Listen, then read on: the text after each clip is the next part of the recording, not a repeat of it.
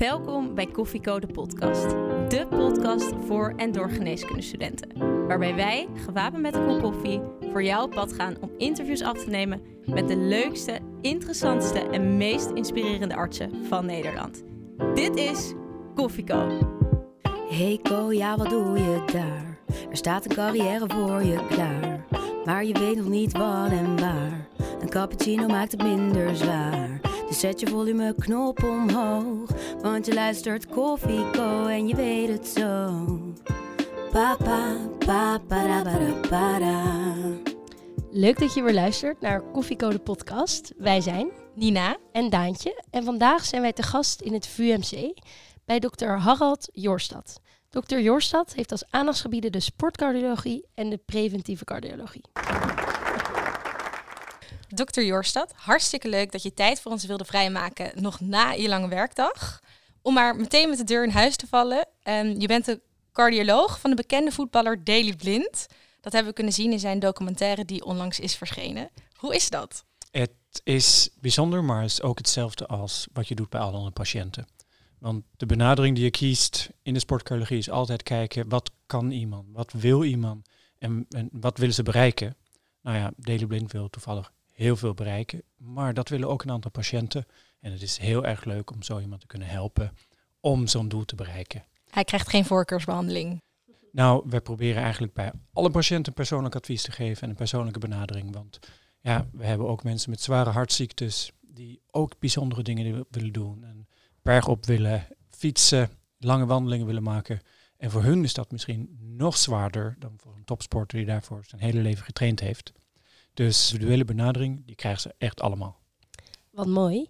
En toen wij deze afspraak met jou gingen maken, we hebben van tevoren afgesproken om je te zeggen, mailde jij, ehm, sorry voor mijn late antwoord, door alle hectiek van het WK heb ik even niet op mijn mail kunnen kijken. Hoe was het WK? Met blijdschap, maar ook, ook, ook wel met enige spanning naar de wedstrijden gekeken, op meerdere redenen. Eh, ik had daar twee patiënten. Eh, als jullie de documentaire gezien hebben, daar zit een andere patiënt ook van me in. Dat is Christian Eriksen, die kennen jullie misschien. Ehm, en die heeft, ja, ik vertel deze dingen alleen maar omdat zij ook dit verteld hebben tijdens eh, de documentaire. Anders eh, zou ik geen privacygevoelige informatie delen. Maar ehm, ja, die monitor je op afstand. Je kijkt heel scherp wat is aan de hand. De locatie was loeizwaar, uh, superheet, zware trainingen. Ze halen alles uit hun lichaam. Nou ja, je bent op afstand, je probeert meer te kijken, je probeert alles in te perken zodat je alle problemen voor bent. Want En- ze hebben allebei een ICD, toch? Ze hebben allebei een ICD en eh, ja, de monitoring is nog veel uitgebreider dan dat kan ik vertellen. En samen met een collega daar, Guido Pielis, die ter plekke was, die de chief was van het medical team die daar eh, voor de WK zorgde, ja, hebben we denk ik uiteindelijk alles in goede banen kunnen geleiden. Maar dat was soms wel even spannend. En monitorde jij dan vanaf hier? Eh, ik monitor heel veel sporters van een afstand. Tegenwoordig kan dat steeds beter. Zeker met de ICD's, eh, loop recorders, maar ook met nieuwe devices, hartslagmeters. Dan krijgen we een link na een wedstrijd bijvoorbeeld. Dus dit is iets wat we wel vaker doen. En het is juist heel fijn om te weten, ik heb gewoon nu de data, ik kan nu meekijken. Eh, dus ja, toen monitoren we op afstand, maar dat doen we ook bij heel veel andere sporters. En ik zie het niet helemaal voor me, want je zegt het is heel spannend. We hebben alles in goede banen kunnen leiden. Maar zit jij dan tijdens een wedstrijd op je computer te kijken hoe het gaat met het hart van Daily Blind? En wat als er dan iets afwijkends is? Bel jij dan op met je moet minder hard rennen? Nee, het is eigenlijk, kijk, en het is ook lastig om dit over één specifiek geval te zeggen, want het is voor iedereen een beetje anders. Eh, mensen hebben verschillende soorten devices die ze gebruiken om gemonitord te worden. En kijk, een ICD doet zijn werk vanzelf. Dus daar moet ik juist niets aan doen. Van afstand kan ik ook niet eh, eh, eh, direct doen. Eh, loop recorders bijvoorbeeld, dat zijn kleine kastjes die je plaatst onder de huid. Ja, die registreren, daar moet je een inzending van doen. En de meeste andere devices, ja, die kunnen inzendingen doen na een wedstrijd of tijdens een wedstrijd en zo. Dus nee, het is geen eh, soort van NASA, eh 14 schermpjes, allemaal kijken. Maar het is met name het, het echte werk is de voorbereiding. Dus kijken wat gebeurt er tijdens de trainingen. Wat gebeurt er als iemand zich helemaal uitsloopt, als een beetje uitroodt, als de temperatuur hoger wordt. Dus daar zit het nog veel meer in. En ja, na de wedstrijd moet je natuurlijk ook evalueren, of na een sportevenement, van wat is er gebeurd. Zien we voortekenen van ritmestoornissen? En dit was de eerste keer op dat er een, of nou, twee voetballers meededen met een ICD op het WK? Ja, dit is in zover ik dat weet de eerste keer dat twee ICD's hebben meegedaan aan ja, WK. Ik, ik vond het ook heel mooi. De eerste interlandwedstrijd van uh, Christian Eriksen was toevallig tegen Nederland. Oh, wow. In de arena een aantal maanden daarvoor.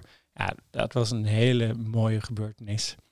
Uh, dus ik denk de belangrijkste boodschap hieruit is, dit zijn topsporters. Uh, ze hebben natuurlijk een heel andere begeleiding om zich heen. Maar ook met een ICD, met goede begeleiding, met de goede insteek en de goede ambitie, kun je heel veel. En dan kun je ook gewoon op heel hoog niveau sporten. Dat uh, klinkt allemaal echt heel gaaf dat je daaraan hebt kunnen meewerken. Um, en het WK is inmiddels voorbij. Hoe zag jouw werkdag er vandaag uit? Vandaag uh, was ik gewoon klinische cardioloog. Ik heb supervisie gedaan op de eerste harthulp en op de uh, hartbewaking. Ja, dan zie je eigenlijk de hele cardiologie voorbij komen. Alles wat acuut is, of soms een beetje minder acuut. Uh, ernstig zieke mensen, tot aan de reanimatie toe. Tot mensen die met een wat onschuldige ritmestoornis uh, voorbij zijn gekomen. Dus ja, sportcardiologie is ook eigenlijk gewoon stiekem algemene cardiologie. Maar een hele specifieke mensen. Maar daarnaast vind ik het ontzettend leuk om ook gewoon met de voet in de modder bij de ja, algemene cardiologische populatie ook te blijven. Ja, want je bent de eerste specifiek opgeleide sportcardioloog van Nederland, als ik het goed heb. Ja, er zijn natuurlijk mensen die voor me zijn gegaan, maar er was eigenlijk nooit iemand die een officiële opleiding daartoe volgde. En toen ik in mijn opleiding zat uh, om cardioloog te worden, zag ik dit en zag ik ook de mogelijkheden van, hé, hey, hier kan nog zoveel meer in gebeuren en zoveel meer ontwikkeld worden. En toen heb ik zelf een aandachtsjaar in elkaar gezet, uh, een fellowship in elkaar gezet. En ja, op die manier kon ik gewoon heel snel vanuit de opleiding direct richting de sportcardiologie gaan. En ja, nu zitten we vijf jaar later en denk ik dat ik de leukste baan heb die er is. Ja, hoe heb je dat gemaakt, die opleiding voor jezelf tot sportcardioloog? Nou, er waren wat documenten in Europa en in Amerika die een soort van voorstel uh, deden van wat moet je dan minimaal doen, wat moet je minimaal weten. Dat was niet zo heel veel. Dus ik ben begonnen met een stage in Italië, waar de sportcardiologie een stuk verder is, bij het Olympisch Centrum daar. Ik heb van um, mijn oude leermeester Nicole Panhuizen veel geleerd. Die had ook een poli opgestart op Papendal. Um, dus daar kon ik ook in meegaan.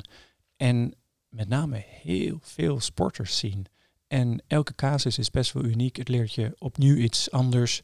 Uh, je moet naar, naar de MRI's kijken, naar de echo's kijken. Je moet honderd verschillende soorten inspanningstesten kunnen doen.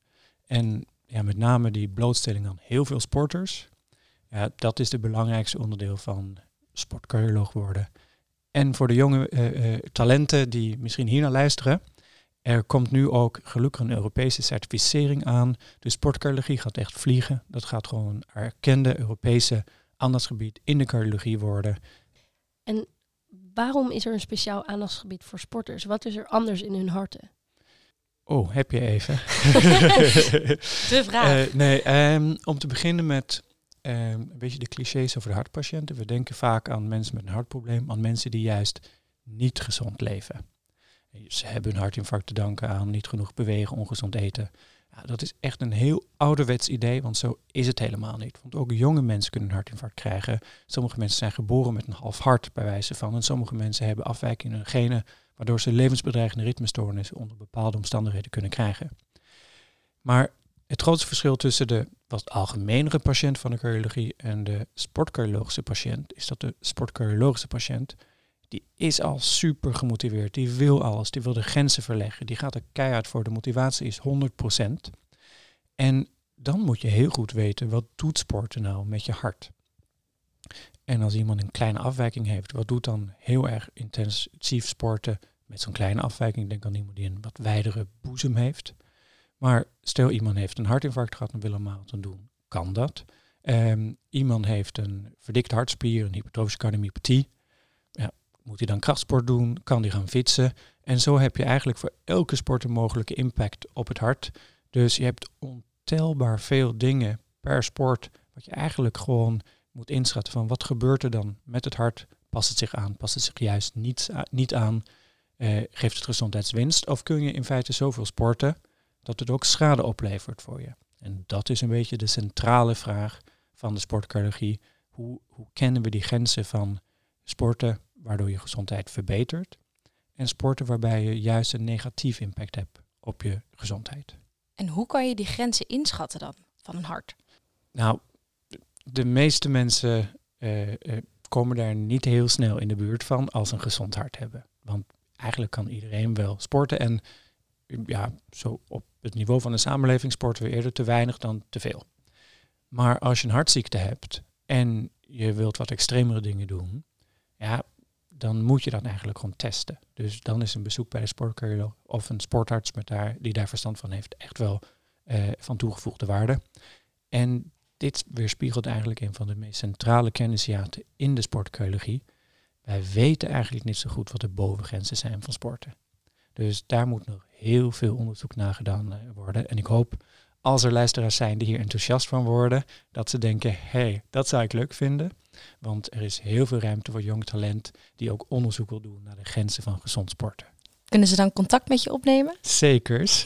nou, wij uh, vinden het altijd leuk om enthousiaste stagiairs te hebben. We hebben ook regelmatig uh, uh, vacatures voor promovendi. Dus als er mensen zijn geïnteresseerd zijn, wij vinden enthousiast talent altijd heel leuk om te laten aansluiten bij ons groep. Wat trekt jou zo aan in de sportcardiologie? Meer zaken. En wat ik steeds meer ben komen te waarderen, is die enorme enthousiasme van de patiënten. Die komen binnen, die zijn vol energie, ze willen iets, ze hebben er zin in, die energie delen ze ook met jou. Je kijkt de hele tijd naar mogelijkheden in plaats van naar wat niet kan. En zo probeer je op iets uit te komen. Maar wat ik ook heel spannend vind, zijn die extreme van de fysiologie.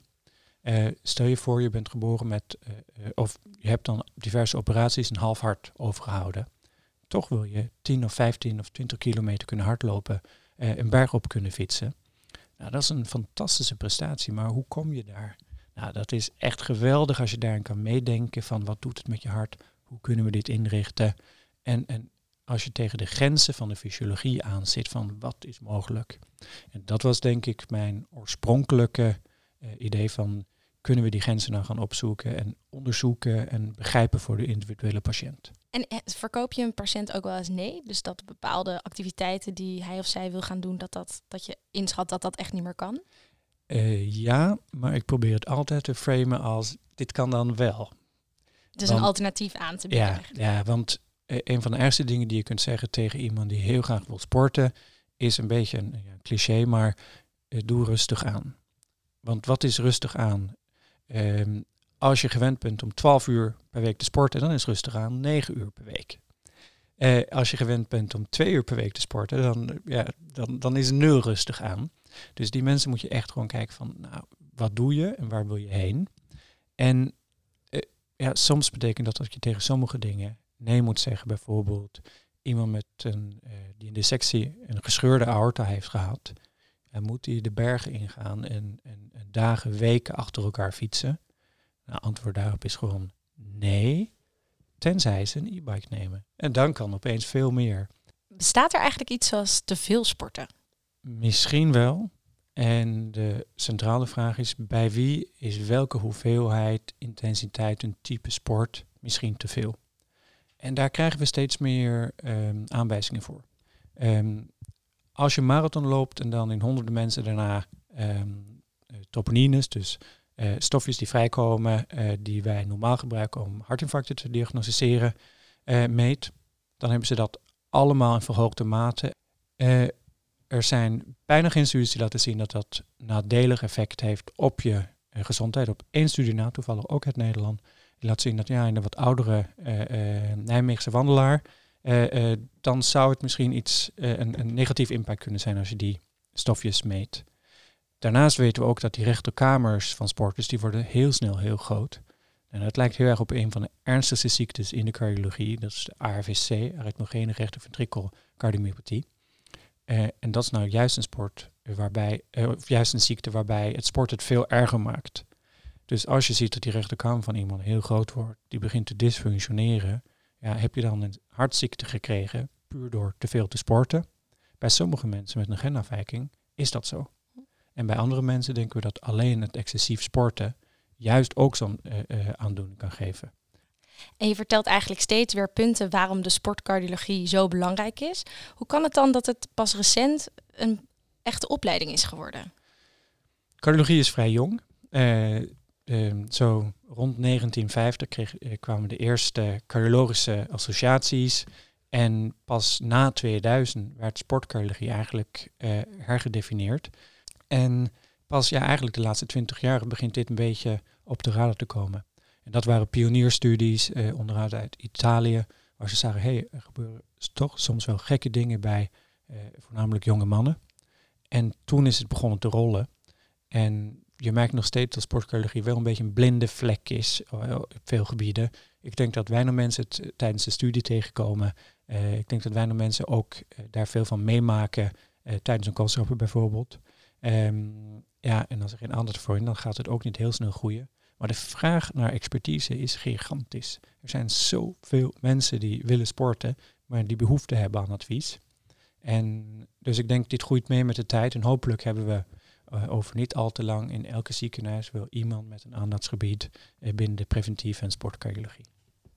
En jij werkt in het VUMC, in het AMC en in Papendal. Klopt dat? Ja. Hoe is dat? Ja, VUMC AMC is nu natuurlijk Amsterdam UMC. Dus dat zijn gewoon twee locaties. Um, en ik werk op Papendal. Uh, daar hebben wij een buitenpolie bij het Sportmedisch Centrum. Uh, we hadden het net over. Jullie zijn niet op Papendal geweest, maar zeker de moeite waard om daarheen te gaan. Geweldige congreslocatie, geweldige sportlocatie. En inspirerend om daar rond uh, Paralympiërs en Olympiërs rond te lopen die echt ja, de grenzen opzoeken wat mogelijk is. Uh, ik doe daar één dag per week uh, onze poli. En dan werk ik een beetje om en om, uh, voornamelijk op locatie AMC, maar ook hier in het VUMC. En ja, ik vind die afwisseling geweldig. Is het heel anders om op Papendal te werken vergeleken met het ziekenhuis? Ja, dat is een hele sportieve setting. het is, heeft geen ziekenhuisuitstraling. Um, mensen voelen zich ook als ze daar komen direct minder patiënt.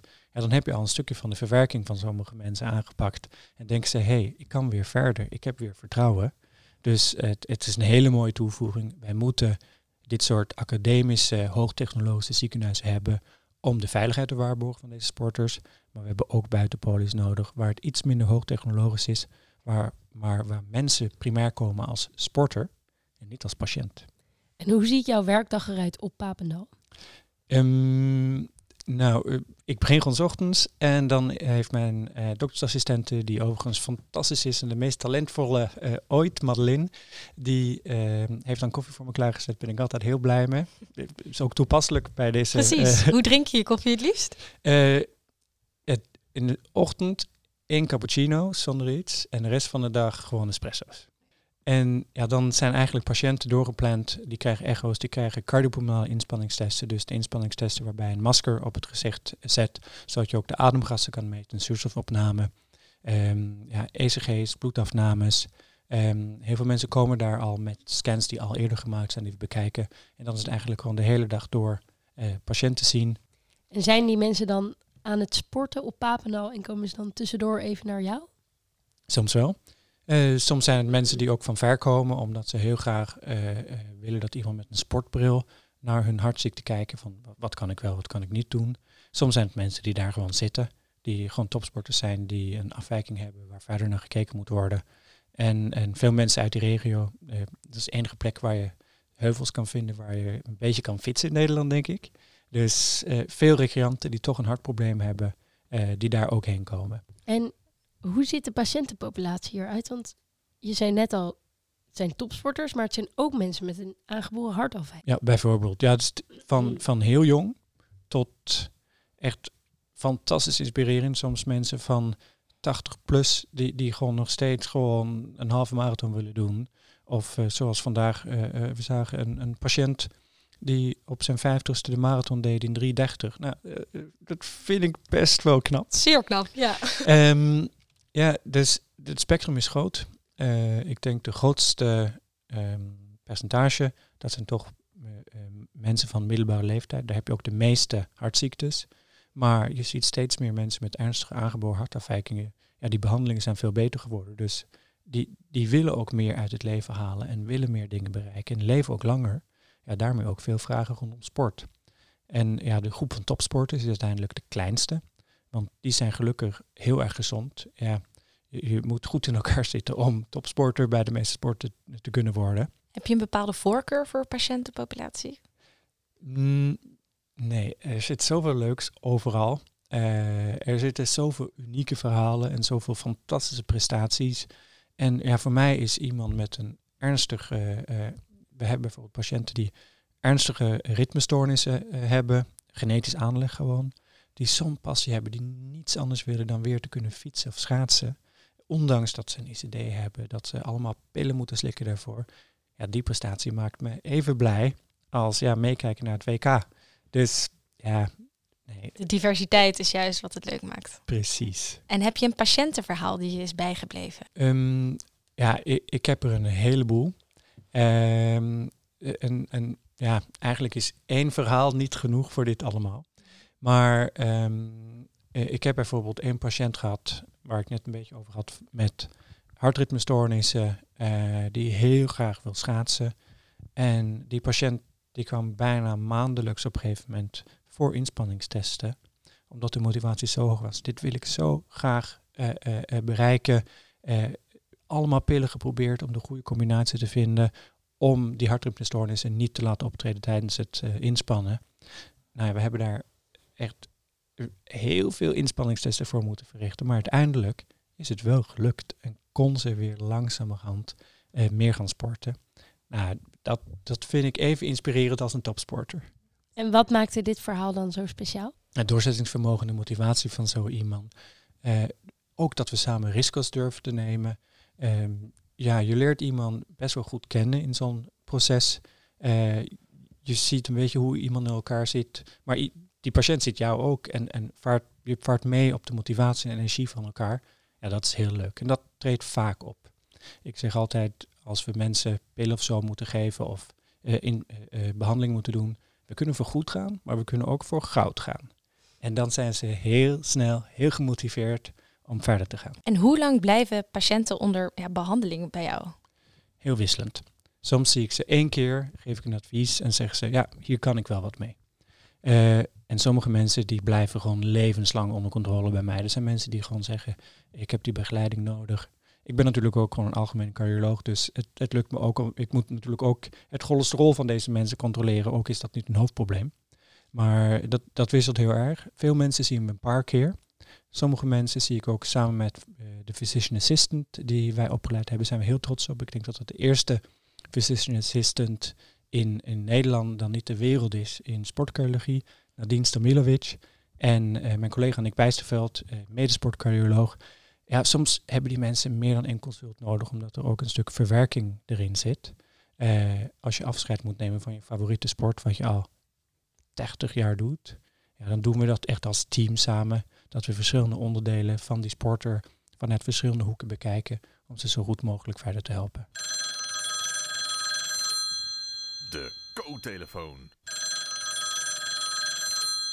Yes, de co-telefoon. Nou, ik zei het net al, maar er zijn heel veel vragen ingestuurd dit keer. Dus het was heel moeilijk om te kiezen. Maar we hebben toch gekozen voor de vraag van Marga. En zij ehm, heeft een vraag ingestuurd naar aanleiding van Wim Hof, de Wim Hof-methode. Want zij is benieuwd, besteed je binnen je werk ook aandacht aan de ademhaling in rust? Wim Hof beweert namelijk dat je met een bepaalde ademhalingstechniek je hart en vaten kunt trainen. Mijn focus gaat echt uit naar de inspanning. En als het om ademhaling gaat, dan gaat het meer richting yoga, meditatie, wat ook hartstikke goed is. En eh, ik zou misschien teruggeven, kijk even goed op PubMed naar de publicaties over de methode Winhof. Daar zijn er niet zoveel van. eh, die laten zien dat het echt heel belangrijk is. Ik zou zeggen, besteed eerder je tijd om lekker te sporten. Ga hardlopen, fietsen, roeien, schaatsen, zoiets.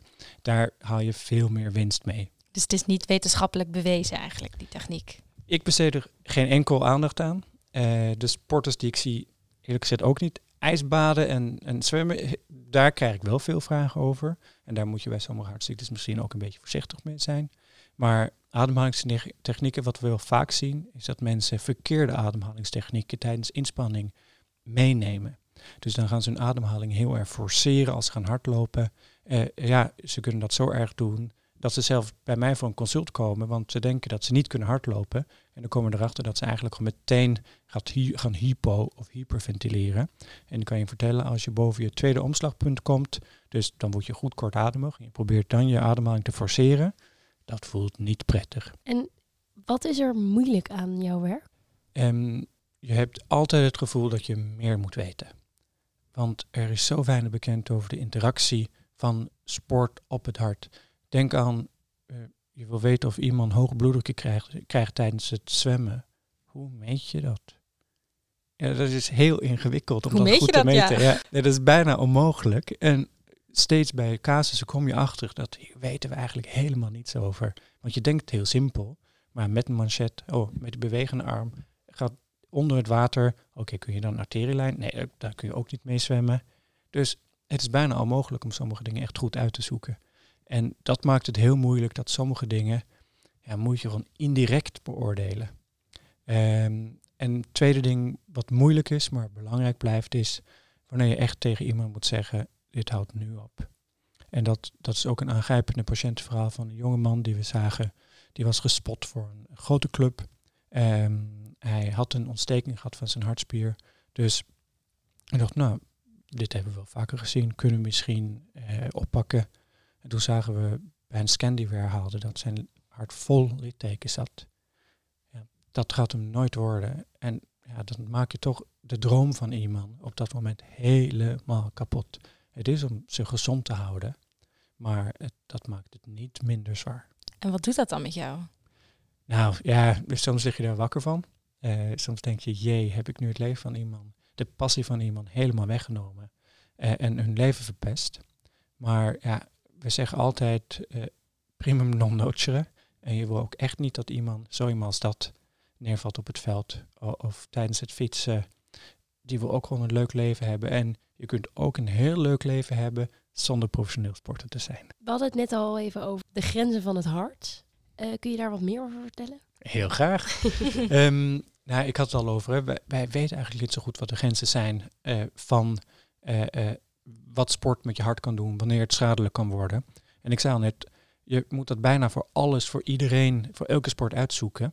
Dus toen we bezig waren om hierover te brainstormen, hoe kunnen we hierin verder komen, bedachten we, moeten we dan niet de zwaarst belaste harten gaan bekijken, zodat we weten wat letterlijk de grenzen zijn van hoe een hart eruit ziet als hij eh, ja, wereldrecord een paar keer in zijn leven verbroken heeft. En zwaarst belaste hart, is dat dan met een bepaalde sport? Of? Nou, dat zou je eigenlijk per sport kunnen bedenken, want ze doen allemaal iets anders. Eh gewichtsheffen doet iets anders met je hart dan fietsen, want dat is kracht en duur, eh, dan voetballen, dan hockey, dan boogschieten.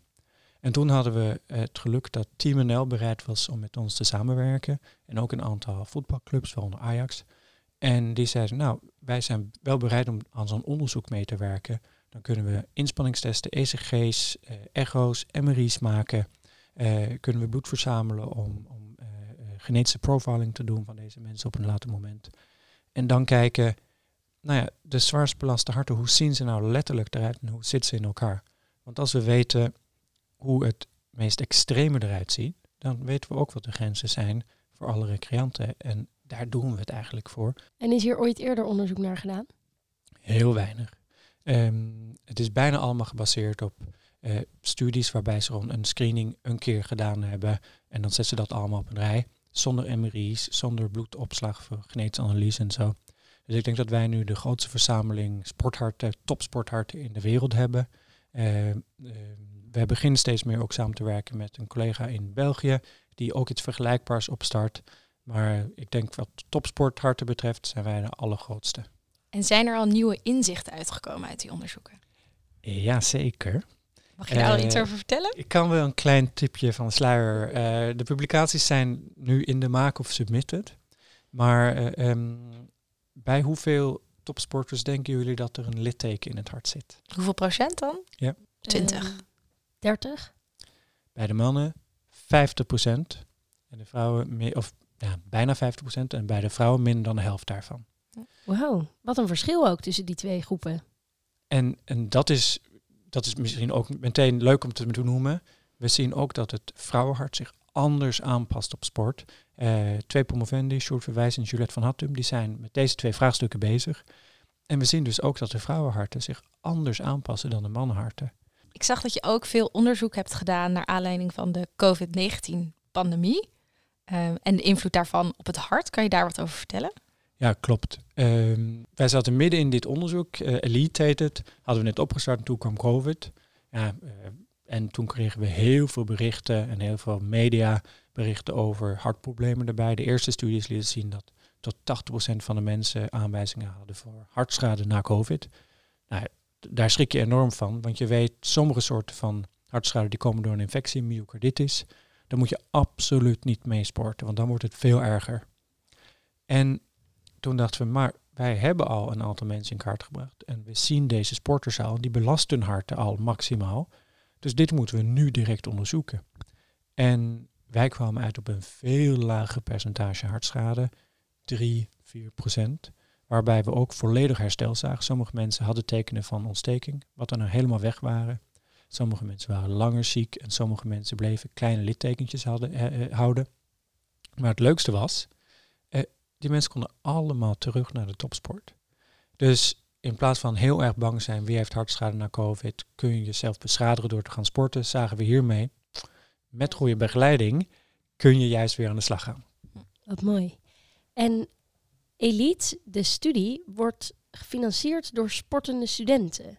Toch? Ja, dat is een nieuwe samenwerking waar we ontzettend blij mee zijn en heel trots op zijn. Ehm, dat is een, een stichting Hard to Handle. En dat is een fantastische groep hele enthousiaste studenten. Die doen al een aantal jaren fondsenwerving, waarbij ze indrukwekkende afstanden eh, gaan fietsen. En daarvoor verzamelen ze geld voor onderzoek naar preventie in de hart- en vaatziekten. Nou, ik weet nog, eh wij mochten dit jaar pitchen voor ze. En eh, we mochten ons verhaal vertellen. En je voelde bijna meteen de klik van, wauw, deze jonge mensen begrijpen precies wat wij willen doen. En dat heeft zich eh, voortgezet in een samenwerking. En al dat sporten, ja, we hebben het de hele tijd over. Maar heb je zelf nog wel tijd om te sporten naast je drukke baan? Ehm, een van mijn voornemens dit jaar is dat ik echt gewoon om de dag moet gaan sporten. Eh, maar jullie weten het, met nachtdiensten, met congressen, met drukke... eh, ja, soms loop je polio gewoon uit en dan het moet af. Eh, kom ik er minder aan toe dan wat ik zou willen. Ik zag ook dat je van langlaufen houdt. Ja. Dat je dat fanatiek hebt gedaan. Nee, dat, dat was echt mijn sport. Ik ben geboren en getogen in Noorwegen.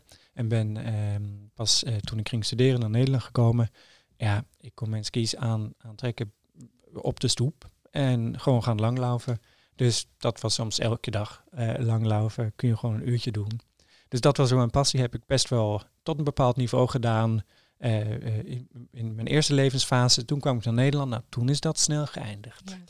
En waarom ben je naar Nederland gekomen? Ehm, toen ik op middelbare school zat, had ik eigenlijk al vrij snel bedacht, ik wil geneeskunde doen. En dat is iets wat ik eigenlijk altijd wilde doen.